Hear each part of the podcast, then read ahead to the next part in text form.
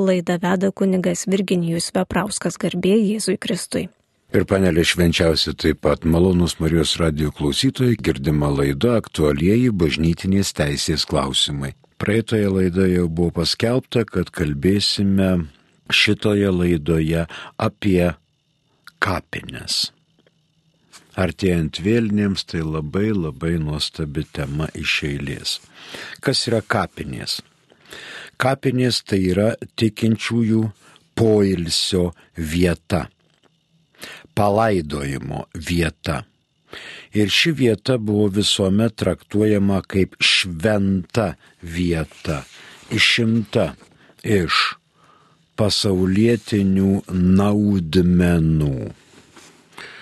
Ten nederėtų nei futbolo žaisti kapinėse, nei šunų vedžioti, nei dar kokiais dalykais susimti, tai yra žmonių palaidojimo vieta.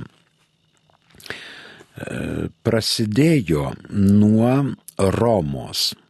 Romoje krikščionys buvo persekiojami, todėl Romoje buvo krikščionys laidojami katakombose.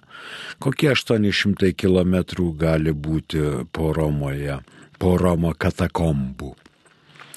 E, ten vulkaninės kilmės uoliena tufas, gana minkšta, jinai kai pagauna oro sutvirtėja ir galima daryti visokius kapus, uoleles ir laidoti kankinius. Paprastai katakombuose buvo atnašaujama šventųjų mišių auka ant kankinių karstų. Po Milano edikto 313, po to 326 metais imperatorius Aleksandras Didysis pasisakė už krikščionybę, pradėjo statytis bazilikos. Ėmė kankinių palaikus, kėlė į paviršių ir žinoma, ten statė bažnyčias ir bazilikas. Ilgainiui pritrūko ištisų karstų, kad būtų kankiniai laidojami, tai paimdavo po kaulelį, po keletą kaulelių ir dėdavo į altoriaus mensą relikvijas, kurias kunigas bučiuodavo prieš pradėdama šventųjų mišių auką. Nebūtina, kad po altoriumi būtų visas kankinio kūnas. Tada užtekdavo vien tik tai kokio nors kaulelio, iš to kankinio ir kunigas bučiuodavo pradėdama šventųjų mišių auką. Dabar, kur nėra relikvijų, bučiuoti net ir nereikia, stalo, mensus, dabar bučiuojamas kryželis. Dabar nuo penktojo amžiaus buvo jau laidojama pačios, laidojami tikintieji pačiuose bažnyčiose arba arti jų, taip vadinamuose šventoriuose. Ir ilgainiui, kad nebūtų piknaudžiavimo, bažnytinė valdžia pradėjo reguliuoti Jėzus yra pasakęs, nepreis šitą kartą ir aš, reiškia, bus pasaulio pabaiga, ateis, ateis viešpat su angelais ir taip toliau. Bet kitose vietose yra pasakyta, kad nei dangaus angelai, nei žmogaus sūnus, tik dangiškasis tėvas žino, kada bus pasaulio pabaiga tai žmonės tikėdami, kad greit ateis pasaulio pabaiga, laidojosi kaip tikintys ir bažnyčioje, ir arti bažnyčios, manydami, kad greitai atejus pasaulio pabaigai, jie bus arti išganimo šaltinio. 1983 m. kanonų teisės kodeksas daugiau skyrė dėmesio dėl kapinių daliniai teisiai, na ir žinoma sinodui ir vietos ordinarui. Tai tokia būtų įžanga apie kapines, kuri, kuri kapinės yra palaidojimo vieta. arba užmėgimo vieta, kaip tikintieji sako. Užmiegame, kol viešpats mus pažadins. Iš eilės 1240 kanonas, pirmas paragrafas, kur įmanoma bažnyčia privalo turėti tinkamai palaimintas nuosavas kapines ar bent plotus civilinėse kapinėse skirtus mirusiems tikintiesiems. Antrasis paragrafas. Tačiau, jei to neįmanoma pasiekti, kiekvieną kartą turi būti tinkamai palaiminti atskiri kapai. Tokius dalykus normino 1917 m. kanonų teisės kodeksas 1205 kanonas. Porą minčių prie šio. Pirma. Kas yra katalikiškos kapinės? Kanonų teisėje definicijos nepateikia. Mus pasiekė esama žinutė, prašom iš Kauno žinutė, ar dera kaip nors palaidoti per persileidimą prarastą vaikelį, kapinėse jiems neskirta jokia vieta. Ačiū. Žinoma, kad dera. Žinoma, kad dera. Dabar mūsų arkiviskupas metropolitas Kestutis Kievalas galvoja, masto, kad reikia padaryti Šiluvoje koplyčioje arba atskiroje vietoje kažkokią tai, na, pašventintą vietą, kur galima laikyti, kur, kur galima laikyti šiuos palaikus. Kauno universitetinėse klinikose persileidimo atveju irgi būna ir koplyčioje yra padėtos urnos, kurios kas pusę metų palaikai deginami ir saugomi. Kai atsiras koplyčia, tada galima ten būtų išbarstyti pelinus, padėti arba parašyti vardą pavardę, kad būtų šiokia tokia pagarba mirusiesiems. Tai Kauno arkiviskupas metropolitas galvoja. Gali būti, kad tai bus ir, aišku, visuotiniu mastu. Pabandykite sutikę vyskupą vieną ar kitą vienos ar kitos vyskupijos šitą klausimą iškelti. Tai yra gana svarbus. Jeigu tikinti šeima yra, yra būdų gyvena santokos sakramentą paėmę vyras ir moteris ir atsitiko persileidimas, tai nėra šiaip kas nors. Norėtųsi didesnės pagarbos šitam dalykui. Ir jau bažnyčia ruošiasi. Ruošiasi, bet dar galutinai neįgyvendinta. Ačiū už klausimą. Aiškinamės 1240 kanoną. Dabar daugiau dėmesio skiria bažnytinės kodeksas daliniai teisėjai. Dabar 1240, kaip minėjau, kas yra katalikiškos kapinės. Definicijos nėra. Neapibrėžiama. Katalikiškos kapinės tai yra bažnyčios nuosavybė, žemės plotas, sklypas, tikinčiųjų laidojimui. Tai vienas dalykas. Dabar katalikiškos kapinės kaip antras dalykas - dalis civilinių kapinių, kurios nėra bažnyčios nuosavybė. Tačiau dalis civilinių kapinių rezervuota tikinčiųjų laidojimui ir aišku yra ne dedikuota, bet palaiminta. Katalikiškos kapinės, kurios yra bažnyčios nuosavybė tikinčiųjų laidojimui, yra dedikuojamos. O katalikiškos kapinės, kurios yra civilinių kapinių dari, dalis ir šita dalis nėra bažnyčios nuosavybė, rezervuota tikinčiųjų laidojimui, yra tik tai palaiminta ir negali būti dedikuota. Tai pirma mintis. Dabar antra mintis prie 1240 kanono. Galima laidoti ir nepalaimintose kapinėse, bet kiekvieną asmenį individualiai.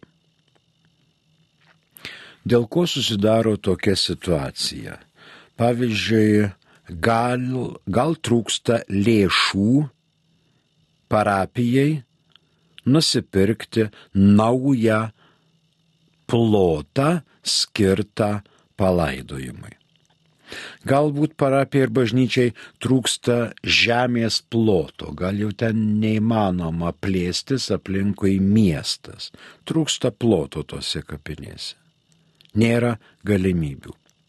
Ir trečias dalykas - rimtos kliūtis, kurias iškelia civilinės valdžios atstovai. Bet jeigu tai ir yra katalikiškos kapinės arba civilinių kapinių dalis atitverta, ir skirta tikinčiųjų, Kristų tikinčiųjų laidojimui, vis tiek ten turėtų būti kaip e, pagal tradiciją pastatytas kryžius, kad visi žinotų, kad ten yra laidojami Kristų tikintieji. Jeigu ir bažnyčia negali, neturi sąlygų paimti savo žinion kažkokio tai ploto arba san, civilinėse kapinėse išskirti ploto, tai visiškai nereiškia, kad bažnyčia atsisako savo teisių. Bažnyčios nuostata yra aiški, kur įmanoma privalo bažnyčia turėti savo tinkamai palaimintas nuosavas kapines. Galime paskaityti 1254 kanono mintį. Du paragrafai. Pirmasis. Katalikų bažnyčia, siekdama savo būdingų tikslų, turi prigimtinę teisę, nepriklausydama nuo civilinės valdžios, turėti administruoti ir perleisti laikinasias gerybės. Antrasis. Pagrindiniai būdingi tikslai - dieviškojo kulto tvarkymas, rūpinimasis deramų dvasininkų ir kitų tarnautojų išlaikymu, šventojo pašaltalavimo ir meilės darbų, ypač neturtingiesiems vykdymas. Tai 1254. Rytų kanonuose atitikmens 1240 yra 874. Tuoj fiksuosime, bet turime dar žinutę, prašom kai prigimtinė nuodėmė mus žaloja, jeigu mes jos nepadarėm, kur čia teisybė viešpaties atžvilgių baust palikonius už bočių nuodėmės. O kodėl mes nepadarėm? Mes padarėm. Adomas ir Jėva turėjo apsisprendimo teisę ir apsisprendė prieš Dievą. Ir visi gimimu atsineša gimtają nuodėmę o tos nuodėmės pasiekmėje darome ir kitas nuodėmės. Va tokia čia ir teisybė. Bažnyčia skelbia, kad žmogus nuodėmingas, o Dievas šventas. čia, žinoma, galima labai ilgai diskutuoti, kas tas yra Adomas ir Jėva. Kai kurie masto, kad tai pirmoji pora. Įsivaizduokit, pirmoji pora - Adomas ir Jėva. Bet taip nėra. Čia yra vyras ir moteris. Pirmykštėje bendruomeninėje santvarkoje gyveno žmonės gentimis.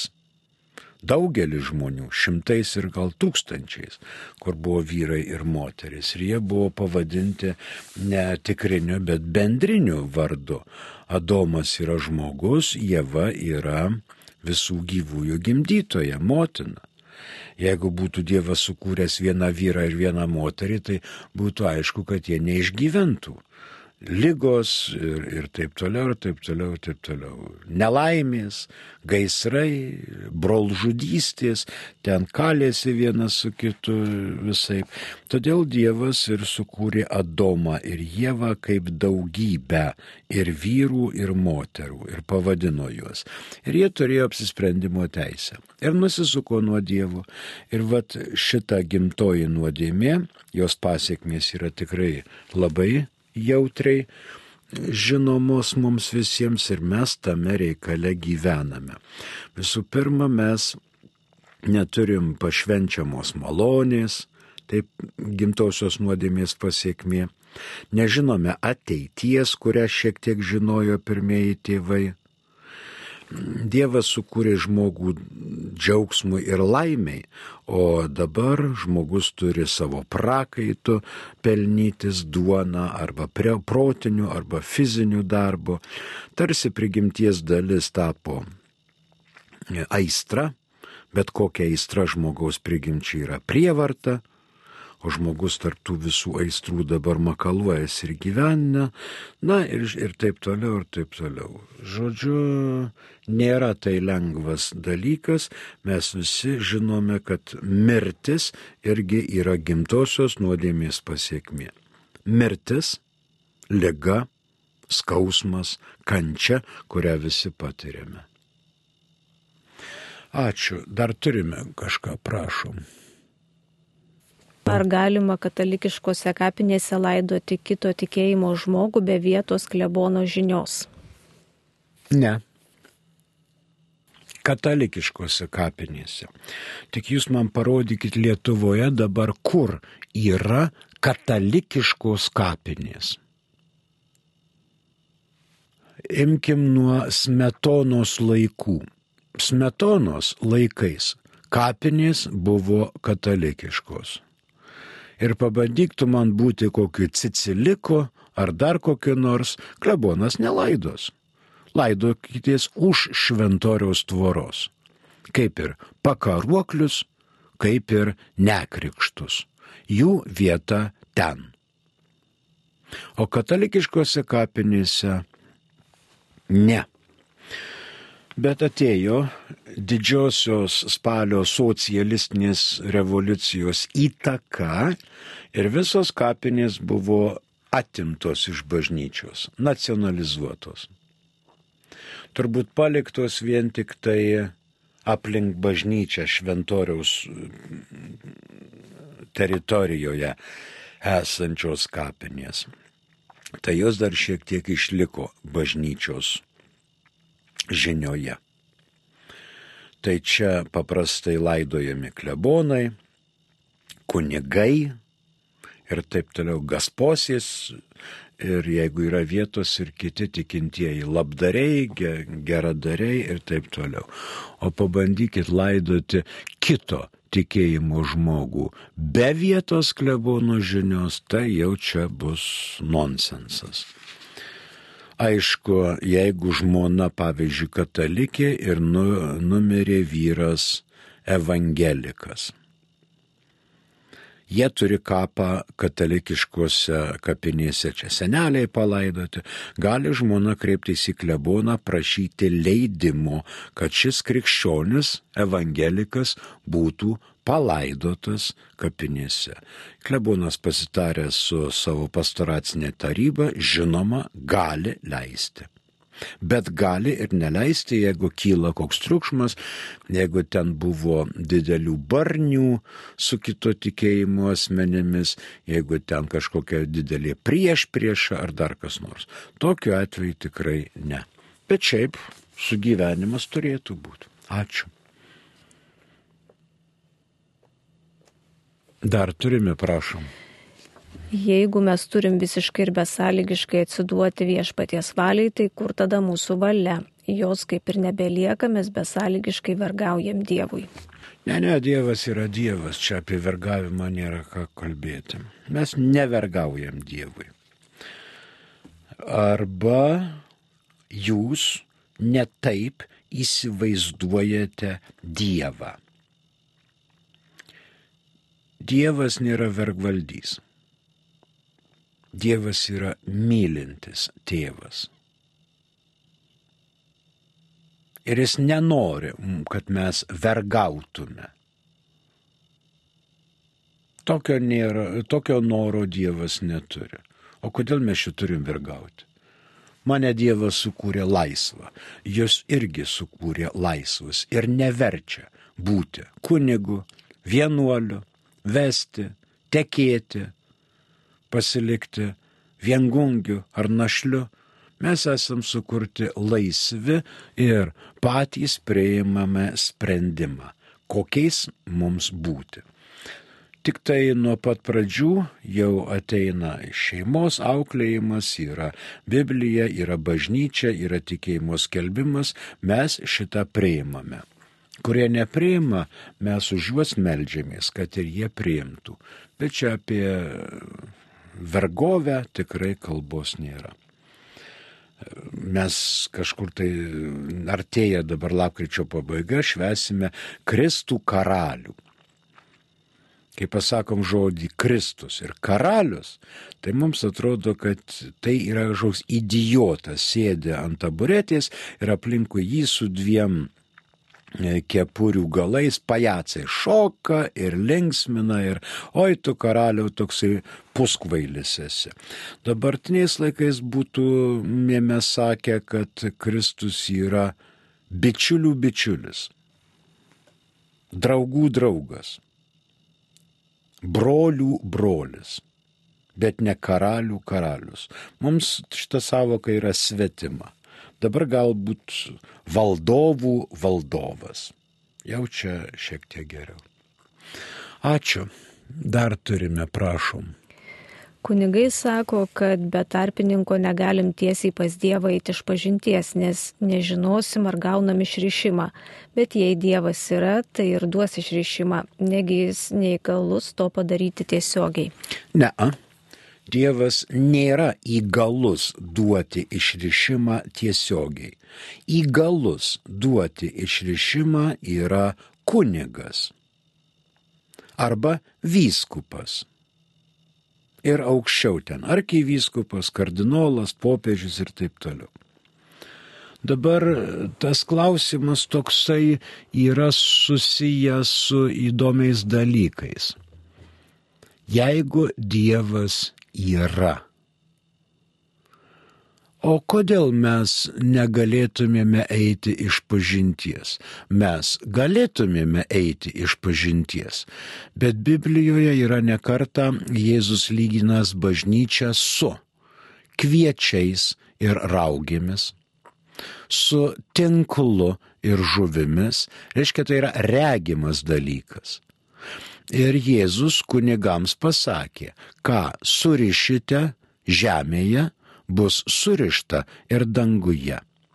Ir ką atrišite žemėje, bus atrišta ir danguje. Dievas suteikė išrišimo galę žmogui. Ir kai aš sėdžiu klausykloje, aš esu bažnyčia. Aš priimu sprendimą. Duot šitam išrišimą ar neduot duot šitai išrišimą ar neduot. Ta priimu sprendimą aš, nes esu pamokytas, kokiais kriterijais remiantis galima tai daryti. Tai kai ateina pas mane žmogus iš pažinties. Dabar mes, Galim eiti pas Dievą iš pažinties.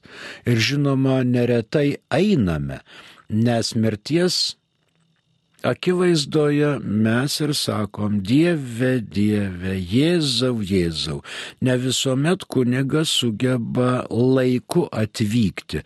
Kai atvyksta jau būna agonija vis tiek kunigas duoda išrišimą tokiu atveju, suponuodamas, kad žmogus gailėjosi ir duoda ligonių patepimą, o ligonių patepimas atleidžia ir užmirštas nuodėmės.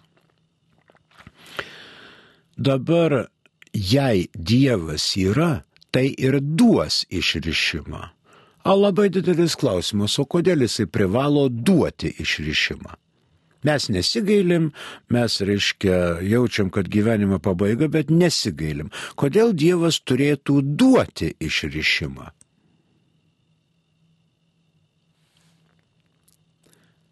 Krikščionio kelias yra tobulėjimo kelias. Ir ne vien tik taip mirties agonijoje mes norim nuodėmių atleidimo. Mes kasdien darom sąžinės sąskaitą ir mušamės į krūtinę Dieve pasigailėk manęs nusidėjėlio. Nes ir teisusis žmogus per dieną nusideda 77 kartus. Ir norisi, kad daugiau kitą dieną nedarytume nuodėmių o ne vien tik tai galvotume, kad Dievas yra e, įgalus mums duoti išrišimą mirties akivaizdoje arba tada, kada aš noriu. Įrodomumo nėra. Gal Dievas ir duoda. Dievo išrišimo davimas yra jo gailestingume ir meilėje. Bet jeigu mes arogantiškai išsikalinėjame, tai Dievas turbūt irgi ne tik tai gailestingas ir mylintis, bet jis yra ir teisingas. Ačiū. Prašau kitas klausimas. Garbėzui Kristui, kaip iškesti kančią, kada ligonis sako virš žmogaus jėgų, kaip padėti? Dienyti savo kančią su Jėzaus kančia ant kryžiaus. Šventas apaštalas Paulius nekarta yra paminėjęs, kad prakeiktas kiekvienas, kas kybo ant kryžiaus. Čia jisai cituoja Senąjį testamentą. Reiškia, Senas testamentas fiksavo, kad kiekvienas, kuris kybo ant kryžiaus, yra prakeiktas.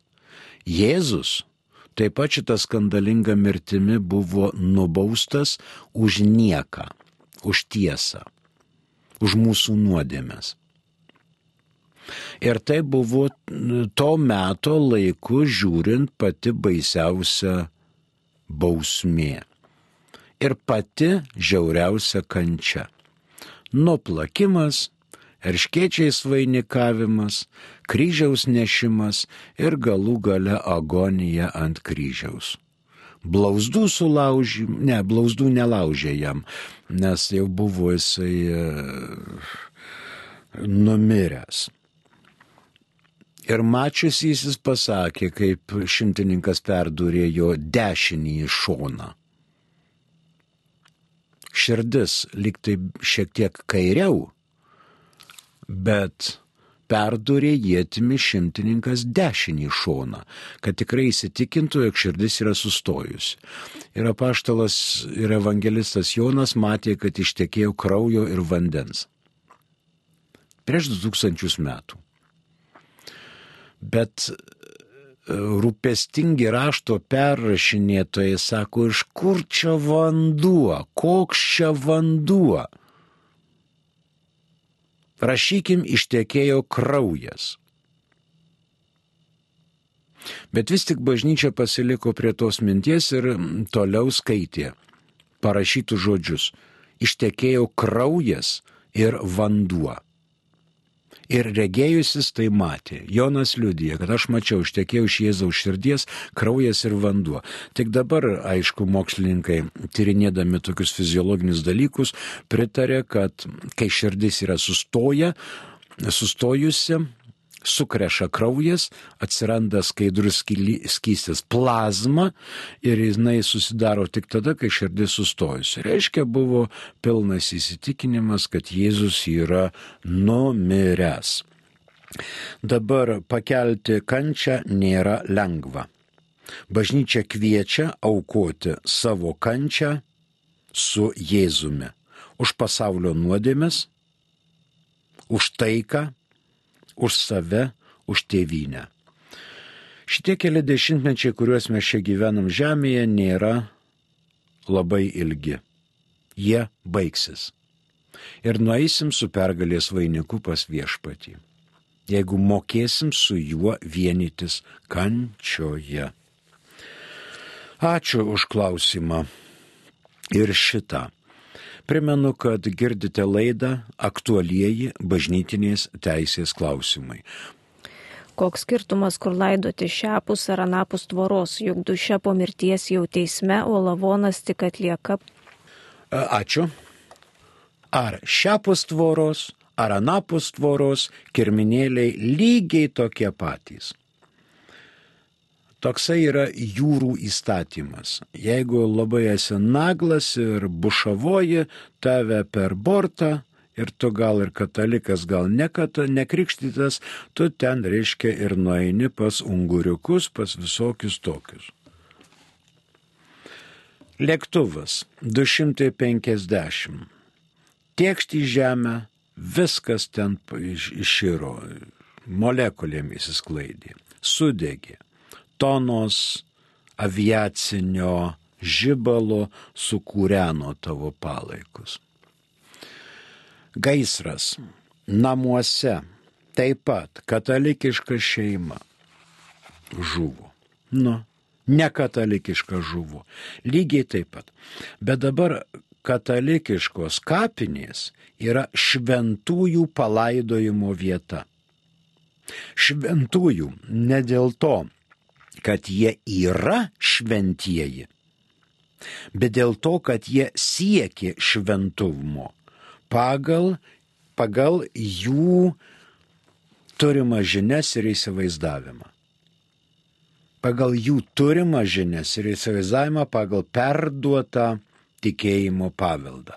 Pažiūrėkit senosiuose bažnyčiose, už to ten blinelio pabučiavimą, ten 200 atlaidų, 200 dienų atlaidų, 300 dienų atlaidų. Tai veikė, tai buvo nustatyta, žmonės taip norėjo, žmonės taip elgėsi, žmonės taip tikėjo. Antras Vatikano susirinkimas padarė revoliuciją visuose šituose dalykuose, sentyrė kumeklezija, ordžornamento ir taip toliau. Dabar mes gyvenam kitais laikais. Jokio skirtumo nėra kūnui, kurisai pūva, ar šiapus tvoros, ar anapus tvoros. Bet tai yra pagarba asmeniui. Kad asmuo siekęs šventumo, palaidotas čia, šventoje vietoje. Šitose palaimintose kapinėse.